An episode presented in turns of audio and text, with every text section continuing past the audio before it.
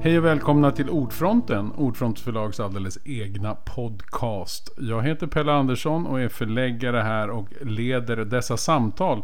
Idag ska vi träffa Lasse Berg. Hej Lasse! Hej! Du har precis kommit ut med boken Tillsammans, människan som människans räddning. Och den här sammanfattar lite av allt det du har gjort i ditt liv. Ja. Hur känns det att sitta och titta tillbaka på livet? Ja, alltså det, det är ju inte någon, någon självbiografi på Nej. det sättet. Men jag har försökt att, att eh, använda eh, er, egna erfarenheter för att få ett nytt perspektiv på vart väg, vä- världen är på väg helt enkelt. Precis. Och det beror på att jag som alla andra har blivit väldigt orolig över utvecklingen. Mm. Var det också, är det framförallt det här med klimatet som gjorde att du liksom kände att det här var viktigt att skriva? Eller är det också alla motsättningar i världen, krig, elände? Vad är det som har drivit dig i första hand? Ja, Ja. Precis så är Kort och bra svar. Precis, precis så är det. det, det är, eh, jag har ett, ett gammalt intresse för klimatförändringarna eh, som eh, går tillbaka till 70-talet. Eh, Så, klimatförändringarna är oerhört allvarliga. Men när jag började skriva den här boken för två och ett halvt år sedan var det för att jag tyckte att man inte tillräckligt har uppmärksammat klimatförändringarnas politiska följder. Och de politiska följderna är de vi ser nu. Att eh, den goda utvecklingen i världen som har ägt rum under mitt liv eh, mot ökad eh, välstånd, minskad fattigdom, eh, minskade antal dödade i krig, ökad demokrati, alltihopa det har vänts de senaste åren. Och det, risken är att kommande klimatförändringar kommer att göra det ännu värre. Och det jag ville börja skriva, jag ville liksom inte bara skriva, jag ville tränga in i vad, vad det här handlar om egentligen. Och när du har gjort det så tar du tillvara på massa erfarenheter då från tidigare resor och att du har varit faktiskt på de här värsta platserna Ja. i världen. Alltså konflikthärdar som vi inte ens... Ja, det, Ja. därför att jag har... Det, det, det här, du tycker säkert inte att jag talar sanning men jag tror inte att jag är så himla mycket smartare än alla andra. Utan det är mer, det är mer att, att jag har en annan erfarenhet än, än väldigt många andra människor. eh, av, av uh, den långsiktiga utvecklingen i världen som bygger på vad jag själv har sett och varit med om och lyssnat på och luktat på och, och tittat på. Och jag tror att det andra perspektivet som bygger väldigt mycket på mina erfarenheter är, är, kan vara värdefullt. Och, och i det ingår också att jag som en av få människor på jorden har sett det liv som har format Pelle Anderssons hjärna.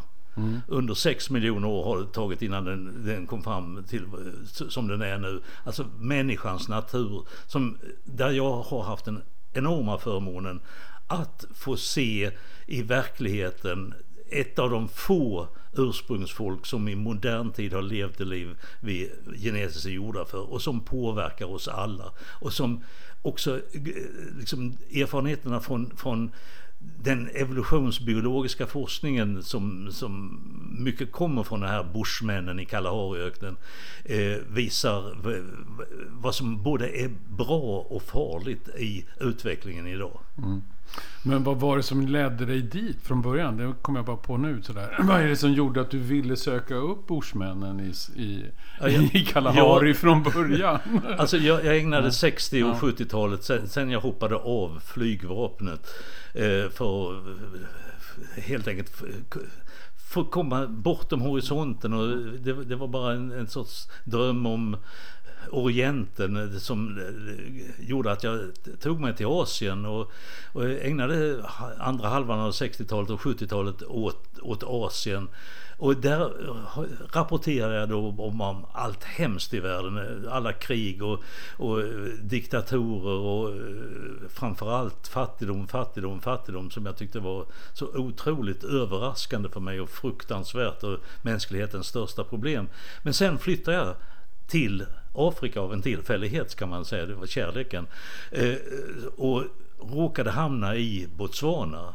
Och eftersom jag är en sån där naturputte så vill jag ut i Kalahariöknen som ligger där och titta på alla djur och allting. Och upptäckte det här märkliga med sandfolket, bushmännen. Mm. Som levde ett helt annat liv än det som jag föreställde mig som ursprungstillvaron som jag trodde var liksom dominerades av krig och ständig kamp och kort livslängd och alltihopa. Så fick jag vandra med de här underbara bushmännen som bara hade skitkul och snacka, snacka med varandra och inte jobba mer än två och en halv timme om dagen. Och det var liksom någonting, jag ville ta reda på vad är det som gäller? Är det liksom det här som jag har sett med mm. egna ögon och som jag kan se på TV och alltihopa? Eller är det, säger det här någonting, vad jag ser där i Kalahari, någonting om människans ursprung och vad, vilka vi egentligen är? Så att, eh, det var Afrika som, som fick mig att, att tänka på nytt. Och vi kommer ju alla från Afrika, det är mm. också viktigt att komma ihåg.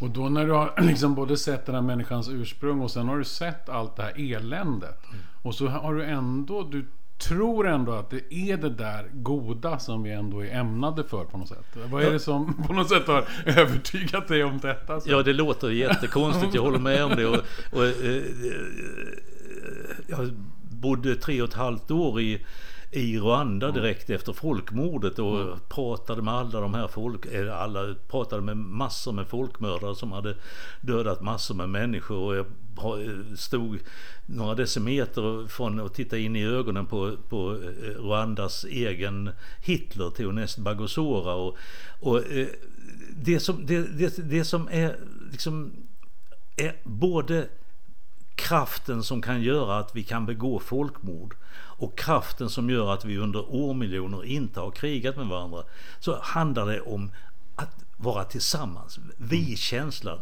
Vi är, vi är skapade för ett liv i en liten samlargrupp som håller ihop mot allt farligt omkring dem. Och det farliga var inte andra människor utan det farliga var djur och framförallt sjukdomar och sånt där.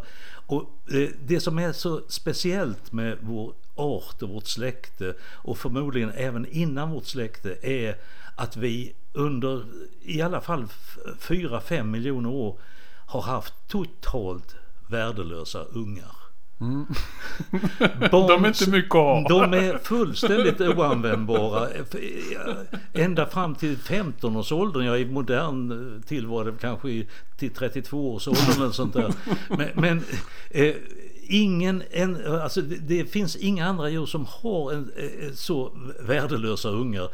Som inte är någon liten Bambi som ställer sig på darrande ben och sen eh, en timme senare kan springa iväg med sin mamma. Eller som, som schimpanser som sitter fast i mammans uh, hår och, och, och, och, hänger med några år och sen kan skaffa sig mat själva. Våra ungar har inte kunnat skaffa sig mat själva. En ensam mamma, en ensam pappa, ett ensamt par har ingen chans att få ihop de här 13 miljoner kilokalorierna som det tar innan de är 15 år. Eh, utan det är bara den här samlargruppen. Och här har alltså byggts in i våra hjärnor en otrolig kapacitet för att förstå andra människor för att kunna förutsäga hur de eh, reagerar, för att inte göra dem förbannade, för att de ska ställa upp för mig och jag ställer upp för, för dem. En, en otrolig känsla av att bara tillsammans klarar jag mig. Och det gör ju att vi har den här enorma skräcken för att bli ensamma, för att bli föraktade, för att inte bli omtyckta. Alltså en, en människa som känner sig föraktad kan välja döden. Mm. En, en, en, en ung kille eh, som är rädd för att bli föraktad kan välja att sätta på sig ett självmordsbälte och ta livet av sig för att få de andras uppskattning mm. i, efter, efter livet. Mm. Och det, detta, det, detta tillsammans eh, Eh, är det som gör att vi kan klara gemensamma uppgifter. Men det är också det, den kraften som nu är den stora framtidsfaran tillsammans med, med klimatförändringarna. Det är den här att vi kan säga att vi är människor men de de där andra, de är kackerlackor. Mm. Det är allt som att jag är föraktad, det är deras fel. Att jag är fattig är deras fel. Att jag inte får en, en Tesla, det är deras fel.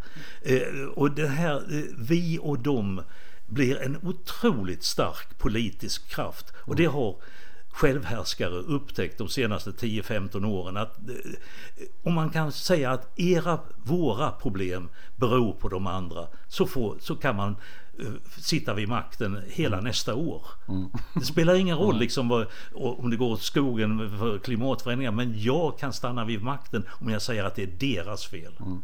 Så här tillsammans både själva grunden för hoppet mm. och själva grunden för fasan inför vad mm. som kan hända. Men du menar också då när, genom dina studier och allt du har upplevt att det är så också att nästan alltid vinner det goda tillsammans ändå? Även om vi går igenom djupa faser av förskräckelse Ja, alltså det, det, har ju varit så mm. under sex miljoner år sedan mm. vi skildes från de andra aporna. Mm. Vi har varit väldigt framgångsrika. Vi, vi finns kvar efter sex miljoner år. Uh, och, och, det är det här tillsammans som har gjort att vi har, mm. har klarat det. Och, och, det är att vi har tämt oss själva. Vi, vi, uh, vi har gjort oss snälla. De som var snälla som ungar hade en ökad överlevnadschans för att alla i gruppen och det, det här, jag måste göra en liten utvidgning mm. därför att jag blev, alltså det som slog mig med en sån enorm kraft mina första vandringar med, med sandfolken, bushmännen och jag har hittat det hos alla de här forskarna som har studerat dem, är den här otroliga osannolika snällheten mot ungar.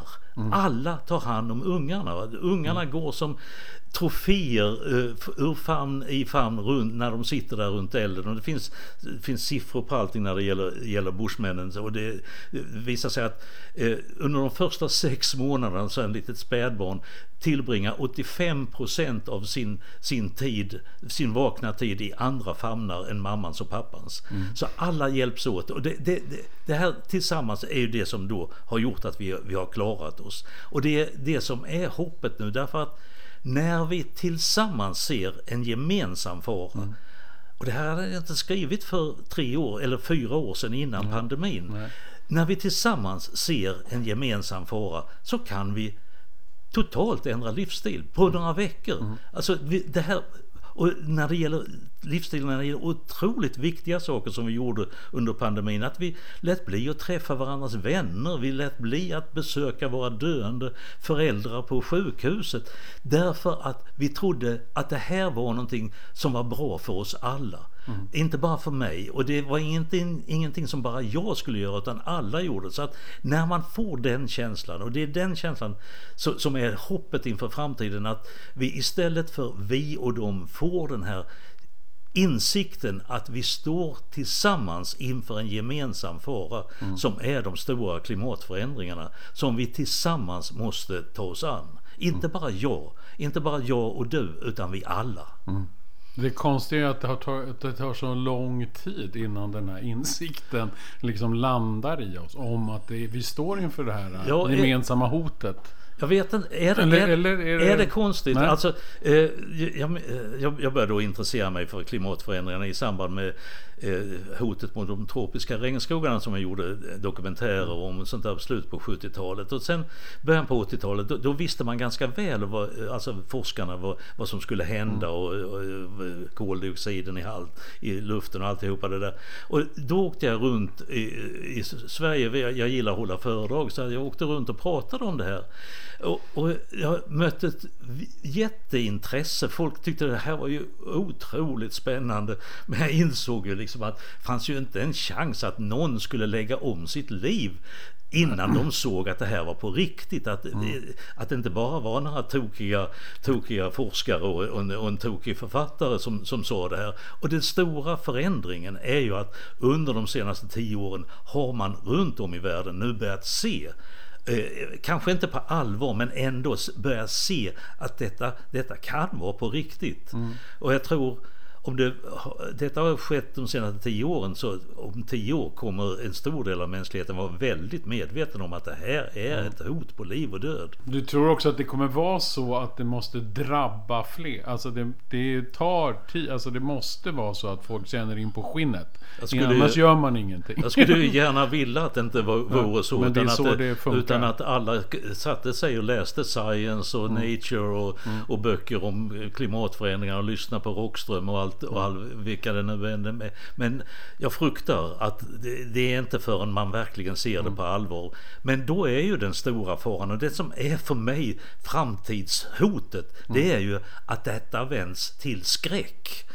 Och att eh, auktoritära ledare vill ha makt genom att säga att det beror på de andra. Mm. Det är de andra som måste göra någonting. Det är mm. de, inte, eh, och skiter i att det, vi måste göra det tillsammans, mm. även om de inser det. Men det här med härligheten i att ha makt något år, det, det visar sig ju vara väldigt starkt. Mm. och därför, alltså, jag, jag, ser inget farligare än det här vi och de pratar. Nej, precis.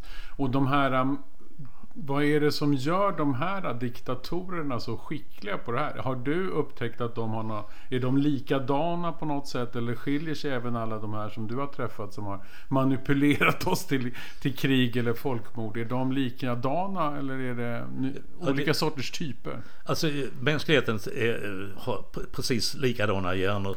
Mm. Eh, till och med folk på, på, eh, i Gamla stan i Stockholm har samma hjärnor som, som eh, folk folkmördarna i mm. Rwanda. Så att, eh, men, men jag, jag, har försökt att intressera mig för, mm. eller jag har intresserat mig för hur det här med de här storgubbarna mm. har vuxit fram. Precis. Därför att det finns ju också en sorts, precis som det finns eh, en, en underförstådd bild av att människan egentligen är krigisk och sen är det bara lite civilisationsförnisse över. Så finns det också en sorts eh, tro på att eh, gubbarna har alltid haft makten över, över tanterna. Det är mm. liksom eh, när, när, eh, Donald Trump får frågan i en rättegång om det verkligen är, är som han tror att, att betydande män har rätt att grabba kvinnor i underlivet så säger han ja men så har ju män gjort, stora män gjort i en miljon år. Mm.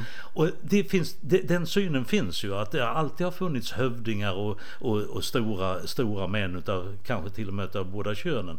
Men så är det inte. Mm. Utan de stora männen har kommit när vi bytte livsstil, när vi började bo väldigt många och det började bli smart med krigföring och sånt där. Därför att det fanns någonting att röva bort. Och då var det stora män som tog makten. Jag har studerat det där på Nya Guinea, där, där eh, de så kallade stenålderskulturerna, det, det är liksom ett stort laboratorium där det har vuxit fram ett tusental eh, olika stenålderskulturer under bofast jordbruk. Och där har i alla dessa, utom jag tror en eller två, så är det stora gubbar som har tagit makten. Mm. Och tar makten, använder makten till vi och dem att föra krig mot andra. Men detta är inte det naturliga. Men det har ju visat sig nu att det är väldigt lätt oavsett politisk inriktning eller om man totalt eh, inte bryr sig om utopier eller någonting utan bara är narcissist som en Donald Trump så kan man få folk att tro på det här med vi och dem. Mm folk som är antingen har fått det sämre, men det så har det inte varit de sista 10-15 åren när den här utvecklingen har vänt. Men folk som känner sig föraktade, som eh, tycker att de inte får det de har rätt till.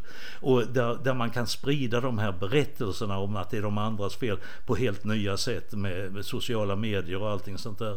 Där det inte finns någon ansvarig utgivare och där man kan ljuga hur mycket som helst. Och, eh, jag, jag, tror inte de stod, de kanske är lite mer narcissistiska än, än eh, genomsnittet, det vet jag inte. Men, men egentligen är de vanliga människor. Mm.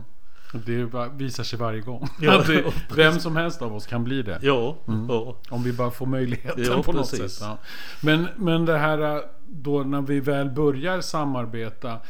Har, ser du också ett mönster att när man väl bestämmer sig tillsammans att det kan gå ganska fort? Eller vad, vad händer i de här? Alltså är det väldigt långa spann? Tror du att vi kommer hinna om vi bestämmer oss? Ja men pandemin visar, ja. visar tycker jag, mm. och, och, den är ju liksom verkligen en ögonöppnare att mm. det behövs inte som slavhandeln fick man slut på trots att det fanns väldigt starka ekonomiska intressen. Men det gick ju inte över en natt direkt utan det tog ju hundra år eller mm. mer.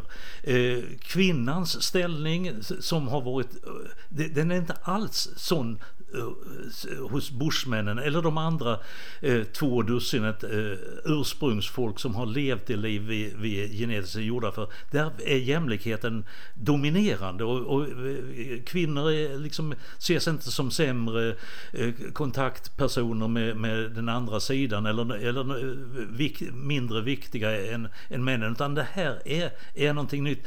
Och det har vi ju lyckats eh, vända på. Det är verkligen inte tillbaks till någon sorts ursprungstillvaro men på hundra år, för hundra år sedan fanns det i princip inte ett enda land där kvinnor hade rösträtt. Nej. Eller i alla fall för 120-130 år sedan fanns det inte någon. Men, så det tog lång tid. Men sen kommer då pandemin och mm. visar att det kan gå väldigt snabbt. Mm. Där man ser en gemensam fara och ser att den gäller alla och att det inte bara är jag som ska betala för det här. Mm. Och det har man väl sett i och för sig förut också. Till exempel när USA gick in i, i andra världskriget. Det var ju det ett neg Man kan ju tycka att det var en negativ ja, skäl. Men, ja. men att ändå då kändes också hela världen hotad av nazismen. Och sen så började man lägga om hela sin industri och så vidare. Men det, mm. det är ett bra exempel därför att USA gjorde ju inte det för att rädda Europa utan mm. för att de blev anfallna av Japan. Mm, precis. jo, men då, då blev det också ja, plötsligt för dem ja, insikten kom. Ja, när man såg att vi har ja. en gemensam fara. Fiende så kan vi ja. sluta oss samman. Men när du har studerat alla dina resor och allt det här. Vad är det som tycker du har gett dig de största ögonöppnarna? Är det faktiskt att komma nära de här stormännen som du säger? Eller är det just sandfolket och få se hur vi, vad vi är ämnade för egentligen? Eller vad är det som har... Alltså jag, jag, jag vet att det här låter som en enkel truism. Men jag har sökt mig till väldigt annorlunda kulturer än Båstad. Mm. Som jag, där jag är uppvuxen. Mm. Och då visar det sig när jag kommer till Nya Guinea eller i Amazonas bland de så kallade indianer eller bland så kallade pygméer i Kongos regnskogar eller indier eller japaner eller vad det nu är. Att de, liksom när jag sitter och, och bor i deras byar och sånt där och, och, och, kan snacka i lugn och ro med folk så är de ju lika knäppa som folk i Båstad. Mm. Och det är en väldigt, det är en väldigt tröst. Är det tröstande? Ja, det är väldigt tröst röst. Är det inte jobbigt? Nej, det är underbart. Båstadbor överallt. Ja. Hopplöst. Det gäller även de här kannibalhövdingarna när man väl sitter och snackar med dem. De är inte mm. så himla annorlunda. Nu ska jag inte namnge någon bonde på Bjärehalvön men, men i alla fall min barndoms kompisar. de är likadana. Ja, de är likadana. Men och det är jag med. Precis. Och när de här studierna, vad tror du att, vad, har, vad var det som väckte det i dig från början? Varför, varför tror du att du har gett ut på de här resorna? Och det har jag mm. funderat mm. jättemycket på. Jag har ingen aning och jag, jag har varit väldigt intresserad av vad, vad man kan säga om hur, hur, människor blir människor. Jag minns jag pratade med Steven Pinker mm. eh, som eh, på, på Harvard, evolutionspsykolog och han började berätta om de här tvillingstudierna som nu är det ju väl känt det här att, och han menar att liksom en människas personlighet är, eh, är 50% är generna. Mm. 10% bara är uppfostran, föräldrar och präster eller vad fasen det är. Mm. 40% är ens umgänge, mm. jäm, jämnåriga. Eh, och då, då liksom när jag tänker tillbaka på min, min egen barndom, varför fick jag det här enorma suget efter att komma bortom horisonten? Var, mm. Varför, varför, eh, eh var, var, då, då, kan jag liksom plocka fram, jag lyssnar på den tidens stora eh, forskningsresande Sten Bergman när han pratar i radion om just Nya Guinea och mm. jag var ju otroligt fågelintresserad redan som femåring och han pratar om paradisfåglar men eh, då, då kan man ju liksom fråga varför tyckte jag det var så intressant? Varför mm. tyckte jag det, jag, varför var det jag som övertalade klassläraren att när han höll föredrag i radio att vi skulle ta in en radioapparat i klassrummet? Och, jag, jag vet inte varför.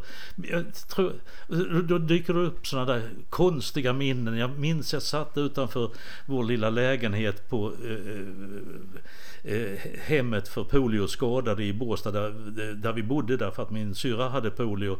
Och så det här hemmets ägarinna var en rik kvinna och hon hade en son som kom tillbaks från Indien och han, vi satt där utanför på trädgårdsstolen så berättade han för mig, jag kan ha varit fem år kanske, berättade han om ett möte på natten när han åkte i en bil i Indien och så stod det en tiger på vägen där. Och han berättade så otroligt liv. Det är kanske det starkaste barndomsminnet jag har. Mm. Tänk om det var det som tände mitt mm. intresse. Jag har ingen aning.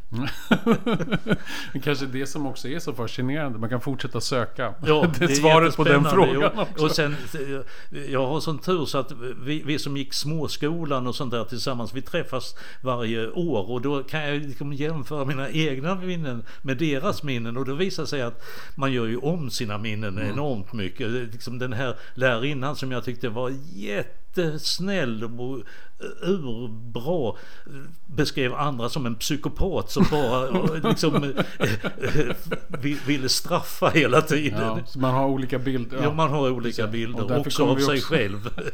därför kommer vi också att förstå det här med klimatet och på olika tidpunkter kanske jo, också. Jo, säkert, säkert. Jo. situationen som jo. olika allvarlig.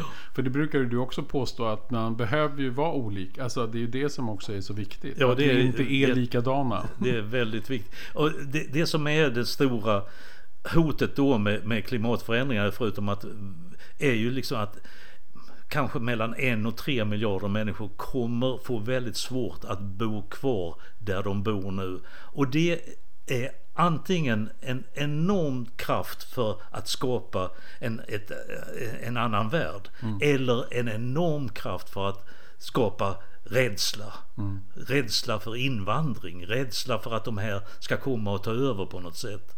Eh, nu, nu är det ju så att, att flyktingar, de kommer, det är inte klimatflyktingar vi har omkring oss nu utan vill man verkligen, är man verkligen rädd för flyktingar, mm. då ska man motverka diktaturer. Mm. Därför att flyktingar kommer från diktaturer mm. eller från diktaturers krig. Och där är det väl också så att om vi nu är rädda för flyktingar så kanske vi också borde göra något åt klimatet. Så det, vi, då skulle inte kanske så många vara tvungna att grad. fly Nej. så småningom. Nej. Eller förbereda oss på detta. Istället för att kanske bygga murar och ja. befästa fortet. Nej, men det är ju enda sättet vi kan lösa de här problemen så är det tillsammans. Mm, precis. Och det har ju du skrivit då en hel bok om. och känns det som att det här också är så här att du har Känns det skönt att få sammanfatta väldigt mycket av det du har gjort? Ja, Eller var det bara tvunget? Det ska bli liksom? jättekul ja. att sammanfatta så, små... så Det blir nästa bok. Ja, nästa bok är sammanfattning. Sammanfattningen om tillsammans. Ja. ja. men tack så hemskt mycket Lasse Berg för att du kom hit till Ordfronten och pratade om tillsammans, människan som människans räddning. Det är där vi har lösningen och svaret. Tack. Tack så mycket. Och det var allt för Ordfronten för den här gången. Så återkommer vi med nya avsnitt så småningom under det här nya året 2024. Hej då, ha det så bra.